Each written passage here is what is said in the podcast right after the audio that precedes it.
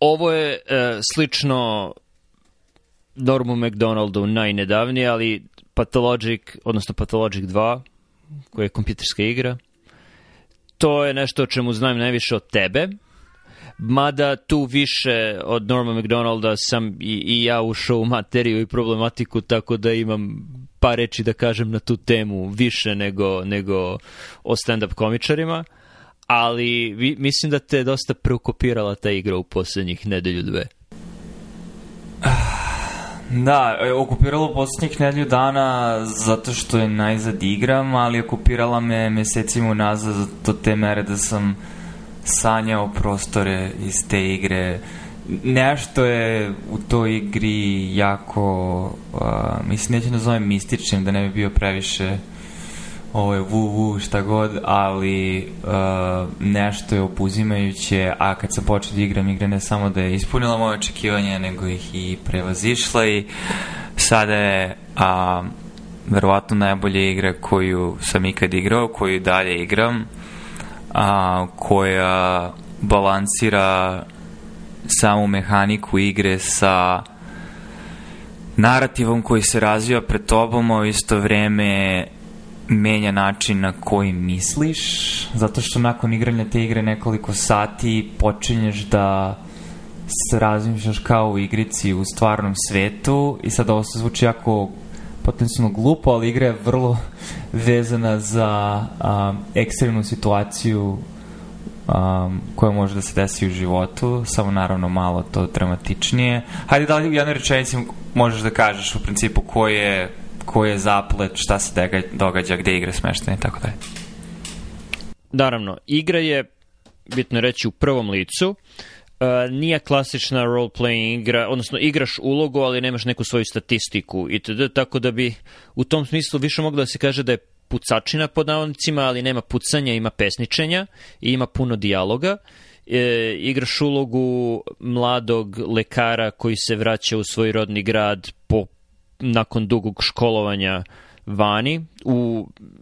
gradi u Sibiru, školovanje je bilo, čini mi se u Moskvi, ali ne znam da li to eksplicitno kažu. Uh, vraćaš se na poziv svog oca i ubrzo nakon dolaska saznaješ da su stvari u gradu kritične, a na samom početku igre saznaješ da se misteriozna bolest širi gradom i preti da da uništi cijeli grad, koji je i onako izolovan. E, zanimljiva je postavka jer na samom početku znaš da imaš 12 dana od svog dolaska da rešiš situaciju i da je to vreme fiksno i da vreme neumito teče, bez obzira koliko ti probao da pauziraš tok igre, igranjem po inventaru, dijalozima i to, vreme sve vreme teče, što, je, što se razlikuje od, od većine drugih igara tog tipa. I... Hm, Da li, da, li, da li je to pokrilo tvoje razmišljenje o čemu se igra radi?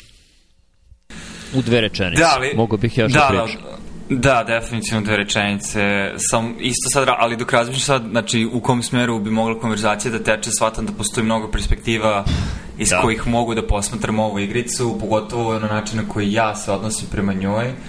I ne znam da ćemo uopšte otvoriti sve, jer mislim da bi možda i podcast bio predugačak, ali hajde da krenemo od jedne od njih, a to je prvo samom domenu kompjuterske igrice kao takve. Znači, ajde da ne pričamo o, o narativu, o nekom ličnom doživljaju i to, nego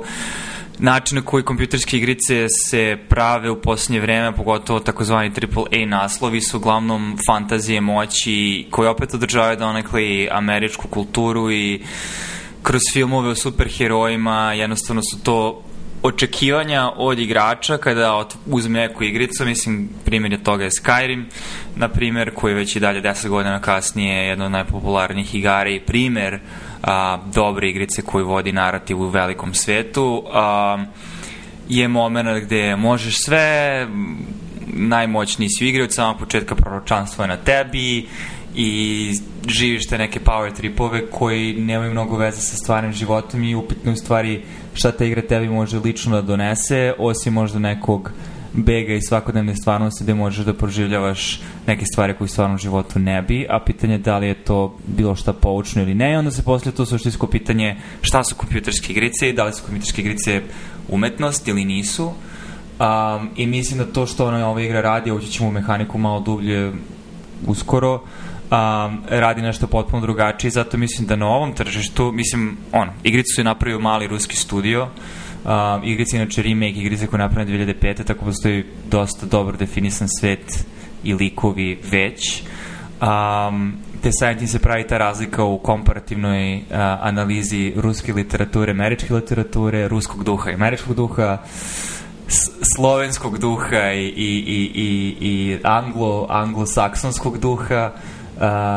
i ti možeš da počeš i paralele između različitih varijanti hrišćanstva ili čega god, a u čemu mislim da sa srpske strane bare možemo dosta više da se identifikujemo, pogotovo kroz ono što smo preživjeli kroz istoriju, malo više sa tim istočnim elementom.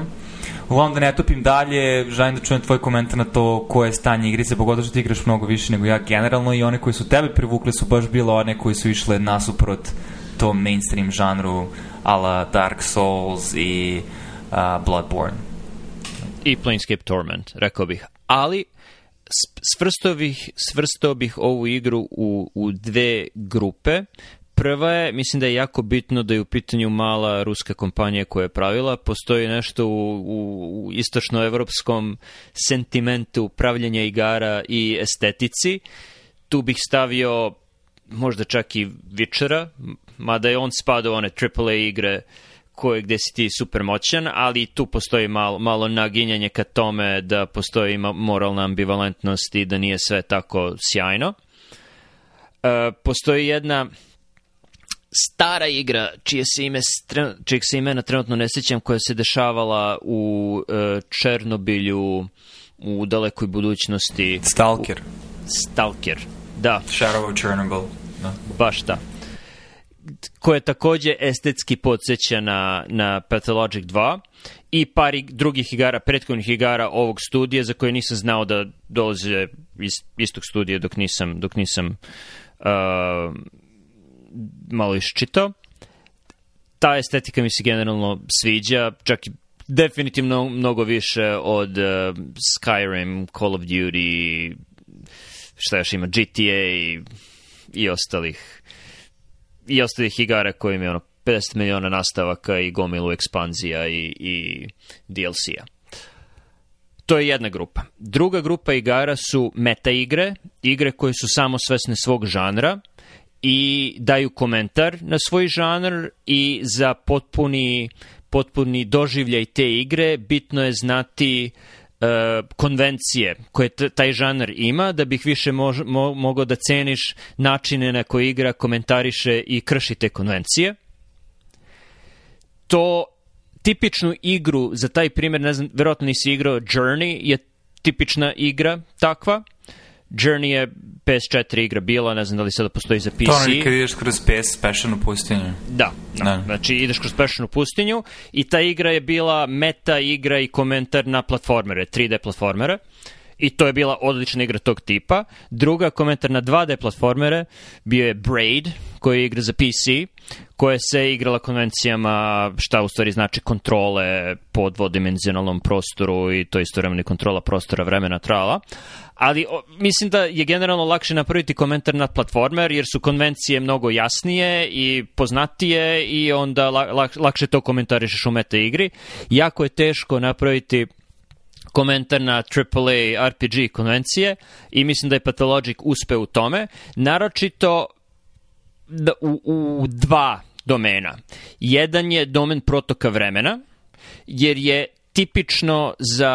Skyrim i ostale AAA RPG-eve to da sve zavisi od tebe. Možeš da zamrzneš borbu kad god hoćeš, uh, kada krene dijalog, ništa se drugo ne dešava oko tebe, sve se zamrzne, znači na tom mikronivou, a i na makronivou da bi imaš questove, znači dobijaš zadatke, i tok tog zadatka, ono što ti radiš generalno zavisi isključivo, ne uvek, ali uglavnom od tvojih uh, dela akcija onoga što ti radiš. Znači, NPC-evi sede tu i čekaju tebe da ti pričaš sa njima. Uh, ljudi koji treba da su živi su živi dok, dok ti ne odlučiš da, da više nije tako. Uh, postoje igre koje su se malo igrale aha, time. Planescape Torment je prvi počeo sa tim. Uh, Eh, da, da ne zavisi baš sve od tebe i da od nekih tvojih odluka možda će neko umreti i da postoje neki questovi koji jednostavno nećeš moći da završiš jer si uprskao na početku, ali to je generalno bilo redko. Eh, trenutak kada donosiš odluku za neki quest je generalno bio jako dobro poznat. U Planescape Tormentu koji je čak i dobar primjer tih igara, kako postoji neki dijalog gde se nešto bitno dešava, to će biti posebno naznačeno, e pazi, ako klikneš ovde, desit će se nešto i čak nekoliko puta kažu, e, ako odlučiš se za ovo, bolje snimi jer nećeš moći da se vratiš. Znači, igra ti to eksplicitno kaže. Pathologic 2 je prožet situacijama gde većinu zadataka questova nećeš završiti. Ono što, ako slepo pratiš stvari koje ti se koje, koje ti ljudi kažu da treba da završiš ili ćeš završiti u stramputici ili ćeš uraditi nešto pogrešno, znao ili ne znao. Tako da, da moraš jako da vodiš računa da, da ne upadneš u taj levak questova, jer e, igra, iako se čini na prvi pogled da prati sistem questova zadataka, to ono, ono što Pathologic 2 smatra zadatkom nije isto što i većina AAA RPG-eva smatraju zadatkom. Znači, to su samo hmm. dva načina. Postoji sad i sistem borbe i o tome ćeš verovatno ti da pričaš. Ne, ali to je sad baš sad shvatilo, znači sa koje strane da krenemo da pričamo i da odvijamo, da samo govori može samo po sebi o tome koliko igra jeste jedinstvena i koliko um, je samo po sebi jedno više slojno, više značno iskustvo samim tim što mi sami ne znamo odakle da počnemo da odvijamo šta se ti igra znači, jer već sad samo sa nedelju dana igre i možda sam prešao trećinu vremenskog dela, ali definitivno nisam prešao trećinu narativa, a, već sada ali opet ono što igra sama po sebi radi je opet uplitanje toga da samo mehanike igre i to mučenje linije između mehanike same igre i samog narativa, što ja mislim da je jako jedinstvena stvar koja ova igrica radi i radi jako dobro, jer to što si rekao, većina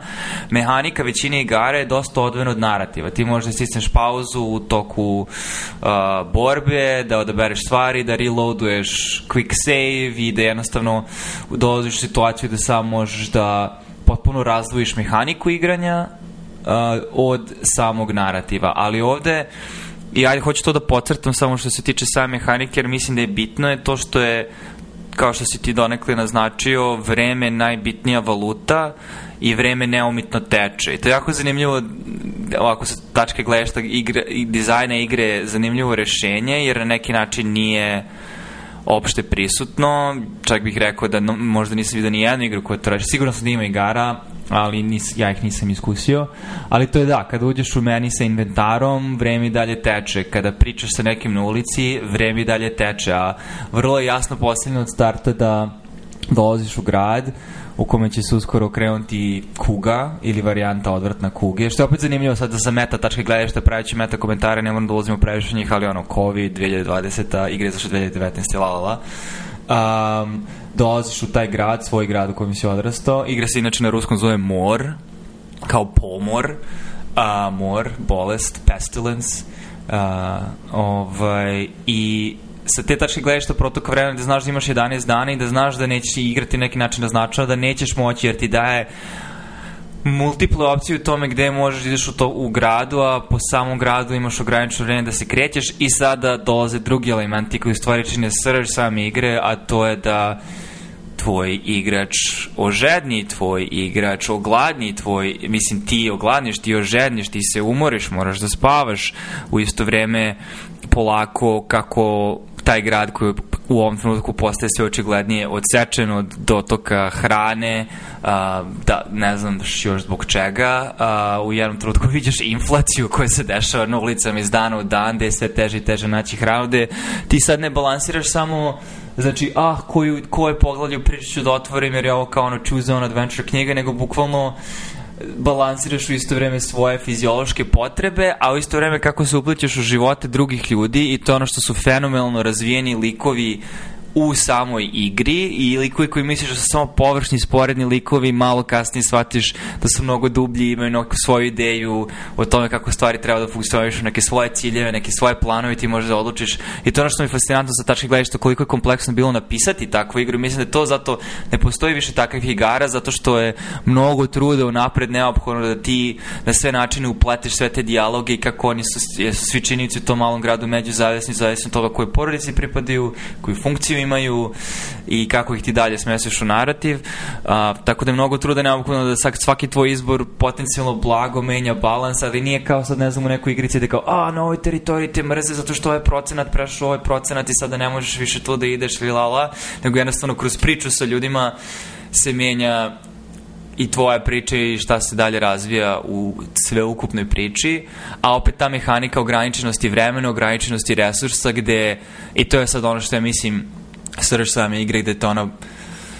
tera da se stvarno osjećaš Mislim, ja čitao poenta i šale i mimo ove igre da je ono, Russian life is suffering, znaš, ono, život je patnja, jer ti u isto vreme crkavaš od gladi, znaš, ja sam došao do trenutka sada da polako počinje da nema vode u delovima grada, a tebi treba voda za tebe, jer voda ti omogućava da trčiš kroz grad i onda se mi postavlja pitanje koliko si ti samo sebi bitan i samo sebi dovoljan da onda na uštrb drugih ljudi u tom gradu, a ti ljudi nisu samo površni,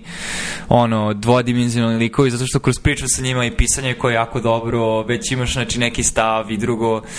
da ne ulazim sada i da ne spolujem previše, da ne tupim previše, ali hoću kažem da kroz samu mehaniku tog balansa vremena, a opet i kroz narativ se pripoveda ta mehanika u smislu the lines, a, ti u stvari vrlo lično proživljavaš sve to što se dešava oko tebe dok društvo polako počinje da se raspade i ajde imam sad neke dalje komentare, ali ne želim da ulazim u monolog, da li ti imaš neki dalji komentar perspektivu? Ne? perspektiva vezana za likove u igri je to da im, igra ima zanimljivu mehaniku gde je na početku samo svesna toga da je u pitanju pozorišna predstava koji, je, koji su uh, koji je ova kompanija napravila, da su oni glumci u toj igri i da u toku igre nailaziš na uh, još uvijek nisam potpuno siguran šta su, ali dodatne NPC-eve koji stoje pored glavnog igrača koji su kao neke siluete sa maskom o, u igri se nazivaju odrazi pod navodnicima sa kojima možeš da pričaš da bi dobio unutrašnju motivaciju e, tog NPC-a sa, sa kojim si pričao. I sa te strane je vrlo ono, ruska literatura, unutrašnji dijalog, unutrašnja motivacija, da možeš da pričaš ne samo sa likom, već i sa njihovom, ne znam da li je u pitanju id ili superego, ali sa nekim njihovim unutrašnjim razmišljanjima ali opet nisi siguran da li je to istina, da li je istina ono što ti sam lik kaže, pošto likovi generalno dosta lažu u ovoj igri, ne znam da li si primetio. O da, i to je sad ono moment tog, eh, znači sad, ok, dva komentara. Jedan komentar je meta narativ koji mislim da je jako vešto i pametno upleten u sve, a to je da opet to što kažeš, igra je komentar nečega, igra je samo svesna da je neki način igra, ali sredstvo ili način na kojim oni to objašnjavaju je to da si ti u poznaciju navoda pozorišnoj predstavi i samo igra je smeštena u početak 20. veka ruska stepa, Sibir pred revoluciju, znači mislim ima vozova, ima pištolja, ali isto vreme nije još komunizam očigledno, a opet je smešten u taj grad u Sibirskoj stepi koji opet ima svoju neku, neki folklor vezan za, mislim, narode koji žive tu i to su opet dobro upleli, a koji opet dosta su slični nekim generalnim folklornim elementima osjećanja prema prirodi, šta ja znam ali ovaj, da taj meta narativ, da se ti u pozorišnoj predstavi neki način, pošto igrica teška i u igrici na mnogi trenutke ćeš umreti u patnji i sad u, ob, u nekom uobičajenijem iskustvu igrača koji igra igru ti restartuješ svoj save, loaduješ i nastaviš da igraš, ali ovde kao ti objašnjavaju, neću ni sad tebi da spojilo je malo kako se stvari dalje objašnjavaju, ali da ti nastavljaš predstavu kao isti taj lik, znači samo kao drugo tumačenje lika, znači kao da si na probi, kao da si na probi i svaka proba i to te savetuju da moraš da pričaš sa ljudima bilo kojim, nikad ne znaš ko će biti bitan, da bi što bolje upoznao tekst, da bi što bolje upoznao svet, da bi što bolje upoznao stvarnost, da bi znao kako najbolje možeš da reaguješ na situaciju u kojoj se nalaziš i samim tim ti da preživiš, da spasiš ljude, koga ćeš da spasiš. Gledam mnogo slojeva svih tih ono narativa koji se odvija, jako vešto ploteno to da te ne smara, da restartuješ igru, jer kad i kad umreš, to je novo iskustvo, naučio si neke nove informacije, naučio si I to se na više nivoa ti igra tera da te nagrađuje, da je dobro poznaješ, na početku je toliki haos, ali same ulice u gradu su toliko zakukuljene, zamumuljane i prvo frustrirajuće, jer kao ne mogu da presečem ovde, a u stvari sam grad je kao jedan organizam sa, ili drvo sa granama koje se grane i što bolje znaš grane, što bolje znaš the lines, što bolje znaš your lines, to bolje igraš, to si efikasniji, to se bolje krećeš, to si funkcionalniji, to si od više koristi za društvo oko sebe i me, ja mislim da to je jedan od velikih meta komentara igre u smislu jedini način da preživimo ovakve teške događaje ne možemo sami, ne možemo i to je sad ok, dolazi ta crta sada diskusiju spontano, ali je na neki način komentar na pitanje ili odgovor na pitanje individualizam versus kolektivizam a kojeg smo se na neki način dotakli dok smo pričali o mom iskustvu u Srbiji na par nedelja tokom odmora, a to je da ruski odgovor na to pitanje jeste malo više kolektivniji, zato što ne možeš ti sve sam da rešiš, ne možeš bez ljudi, moraš da poznaješ ljudi, jer opet mali je grad u pitanju svi su upućeni jedni drugi, svako ima svoju ulogu i samo poznavanjem svih tih stvari, a igrom slučaju taj lik lekar koji je Nexus, zato što se upliče živote svoj, drugih ljudi na sve moguće načine, tako da je to dodatni meta komentar. Uh, ali ovaj, moraš da poznaješ stvarnost oko sebe, moraš da poznaješ ljude oko sebe da bi mogao da napraviš najbolju moguću odluku. Par stvari, pre onog individualizam kolektivizam, da napomenem da na samom početku igre je jasno da si ti u nekom vidu dana mrmota ili Groundhog, Groundhog Day ili Palm Springs, drugi film koji je na sličnu temu gde ponovo doživljavaš isti dan, ovde doživljavaš isti period od 12 dana ili 11, igrati je to odmah na početku daje do znanja, tako da da, mislim, Bill Murray umire puno puta u danu mrmota na mnogo različitih načina, uh, neki put i ne umre, samo ode da spava, ali to što pro, proživiš jednom ti pomaže da svaki sledeći put budeš bolji, da bolje znaš scenario i mislim da se tu dosta podudara sa danom mrmota više nego Palm Springs, mada i Palm Springs dosta dobar film. Uh, druga stvar je, da dobro to, individualizam, kolektivizam. Znam da se to stavlja kao tema istog zapad, ali mogu ti reći nakon deseta godina na zapadu, ni ovde nisu stvari toliko individualne i ovde stvari Nipošta. dosta zavise, zavise od društva. Ono što je razlika između istoka i zapada je što je samo izabrano društvo na zapadu, naprotiv društva koje ti društvo nametne na istoku. Dakle, na, na istoku se više insistira na porodici, plemenu, e, državi, toj vrsti zajednice, a na zapadu se više insistira na plemenu pod navodnicima u kome samo odlučiš da pripadaš da li si u srednjoj školi jock ili nerd ili Ben Camp ili math Camp ili šta god i kasnije u toku života da li si DC ili Marvel, da li, da li voliš ovaj sport ili onaj sport, da li uh, provodiš vreme u, da li si ono, trkač pod navodnicima ili si hajker pod navodnicima ili se samo svrstavaš u neko od tih kategorija, ali opet postaješ deo nečega kolektivnog, samo što je to stvar tvog izbora ali samo što gotovo sve te pod znacima navoda kolektivističke ili pod znacima navoda tribalne etikete su u ovom društvu duboko upletene u ekonomiju i konzumerizam. Znači, da. Znači, svako tih etiketa sa sobom nosi određenu finansijsku investiciju o, da. u taj identitet. O da, Ima, imam par razmišljenja na tu temu što je verovatno, mislim, drugi treći ili peti podcast o, o, o kome možemo da, da pričamo. Da, da, zvuči super, kao ti sam izabereš kojoj grupi pripadaš. Da, ali članstvo u toj grupi više znači, ok, trošit ću pare na ove, ove i ove stvari, a ne znači moći ću da računam na nečiju pomoć u trenucima potrebe. Što no. u slučaju istočnog kolektivizma nije, nije, nije slučaj. Uff Ok, definitivno mi trebalo da bude tema, zašto ja sam imao neka razmišljeno o... E, nešto što me skoro postaklo sa ovakav mali komentar, pa ćemo se vratiti na Petalogic, uh, e, je uh, Aleksandra Ocasio-Cortez i njena uh, haljina na uh, Met Gali, koji je ono, još jedan od primjera, mislim, negdje sam pročito već godinama unazad, ono, tu, tu maksimu, ali to je ono da kapitalizam jede sve. Tako da i kapitalizam jede sve ideologije i pretvori ih u proizvode. Tako da super što ona, ona stavila Tax the Rich kada je to haljina koju je dizajnirala bogata modna kreatorka i ta haljina košta ne znam koliko i na događaju je da su svi ti bogati ljudi isto i to doživljavaju više kao neki performans i a, signaliziranje vrlina nego samo kapitalizam sve pretvori svaku ideologiju u proizvod. Da. prva, epizo- prva sezona, druga epizoda Black Mirrora je slična tome. Okay. Stavit ću link da te A, podsjeti.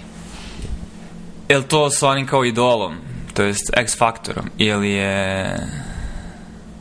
Ne, to je reality show i, i oni život u kutiji okružen ekranima. Pa to, to. To je to. to je, aha, da, da, idol, da, to je to. Da. Kao ti si i ono pevaš ili nastupaš pred njima i kao daješ autentičnost, ali tvoja autentičnost da. se pretvara u... Tvoje, autentič, tvoja autentična ekspresija se pretvara u proizvod koji mase konzumiraju i to je igra koju ti on, oberučke prihvataš zato što ćeš inače da imaš bedan život. Baš to. Um, Uf, ok, već dosta pričamo, ajde, možda bi trebalo da privoditi kraju, ali još par nekih komentara na igra, opet ne želim ni da previše ne interpretiram, igra mi da igra sam po sebi otvara dosta, otvara dosta stvari za interpretaciju, ali to je da protok vremena je bitan, imamo ograničeno vreme, imamo ograničene resurse i mislim da zašto na neki način u ovoj igri opet ta kulturološka razlika je delimično uslovljena kulturom sama po sebi, ali kultura informisana prostorom, geografijom, geopolitikom i istorijom je to što ljudi koji su živjeli ovde i imali sistem koji su imali ovde i na neki način imali sreću opet geografski da Amerika tokom dva velika svetska rata budu potpunosti fizički odvojena od, od svih dešavanja. A, nisu bili situacije koji su bili e, ljudi u Rusiji tokom Staljina ili ljudi u Jugoslaviji i ljudi u Srbiji uh, 90-ih, jer ono, na neki način, iako naravno mnogo ekstremni oblik svega toga, ali mi je bilo mnogo onako Palile su mi se lampice kada ono iz dana u danu odlaziš i kao gladan si i sad treba kupiš hranu i jednom hrana koju juče koštala 250, sad košta 350, 400 i kao aha, ovo su priče koje su mi pričali roditelji kada podigneš platu i onda do kraja dana za platu ne možeš da kupiš nešto ni da jedeš i svako i onda čitava ekonomija koja se menja u tom smislu opet je vrlo reminiscentna na ono što smo čega se ja takođe sećam u Srbiji ono ti kad nekom pričaš iz Amerike, da, 90-ih na svakom ćošku su bili likovi sa pederušama i vikali devize, devize, devize, njima to nije jasno kao zašto, pa zato što ti valuta totalno se raspada. A, je to ta siva ekonomija, ekonomija Um, jer ti na kraju trenutku shvatiš da novac ima... I to je jako zanimljivo, zato što imaš ograničeno vreme i kad kreneš da ideš po kućama gde su ljudi već pomrli. I naravno, igra te tera da tra, praviš sve teže i teže izbore, jer situacija je sve očajnija i očajnija. Um, u jednom trenutku shvatiš da je gubljenje vremena da uopšte prebacuješ novac u, u, svoju kesu, jer opet i sam inventar, znači treba ti vreme da prebaciš stvari, tako da ako nađeš hranu, šta ti ja znam, ali novac koga briga, ništa ne mogu ni da kupim za ovo, koje je poenta. I iznerviraš se kad otvoriš neku uh, komodu na koju si potrošio, ono, da je otključaš i ono, umesto hrane nađeš pare, kao što šta mi ovo sad vredi, ništa ne vrede pare. Tako da jako dobro oslikava kolaps društva u malom, Um, I sa druge strane, Mislim što ono igra suštinski radi i koja je vrednost, da se vratimo, znači zatvorimo krug na temu igre kao umetnosti, što te tera da ti upoznaš neke aspekte sebe koje možda ne bi ni mogao da upoznaš s obzirom da nisi u situaciji da živiš takav život, a igra vrlo dobro simulira sve rastući očaj i raspad sistema, jer strategije koje su radile do pre par sati više ne funkcionišu i onda dolaziš situaciju gde ili umireš, od gladi, žeđi ili ne znam čega, ili radiš neke stvari koje ti na pamet ne bi pale pre samo dva dana. Tako da ti igra da se zapitaš ko si ti u stvari i... Znaš, što mislim da nije loša vežba, s obzirom na da ljudi ovde... Uh, uh, ideološki nisu zašli u te, u te sfere, tako da mislim da i meni i tebi dosta para uši kada vidimo kakve rečenice ljudi izgovaraju sa koliko ostrašćenosti, nesvatajući koja je težina tih reči, a sa druge strane drugi deo kulture dosta to ignoriše, opet nesvatajući da tim ignorisanjem ili čak neadekvatnim adresiranjem svega toga povećavaš rizik da u jednom trenutku uh, on, došli divlji, oterali pitome, ali mislim i, tak, i tekako smo mi živjeli u društvu i tekako su Rusi živjeli u društvu u situacijama gde a, se stvarnost krivi i jedan segment populacije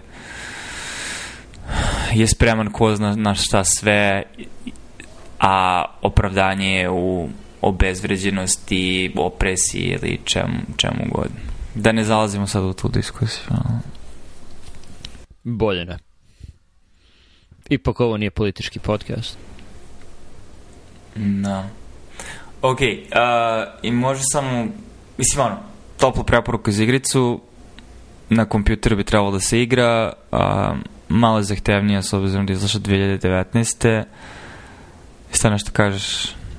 Da, uh, postoji verzija za konzole, PS4 i PS5. Uh, e, uzeo sam dok sam imao, mislim, još uvijek imam PS4, ili ga ne igram. Ne, ne igrivo je na, na PS4, možda PS4 Pro bi bolje krenuo, ali za učitavanje između uh, delova grada traj, to traje minutima, tako da bih to preskočio. Na PS5 ide mnogo bolje. Ide skoro kao na PC-u. Sa malo lošim grafikom.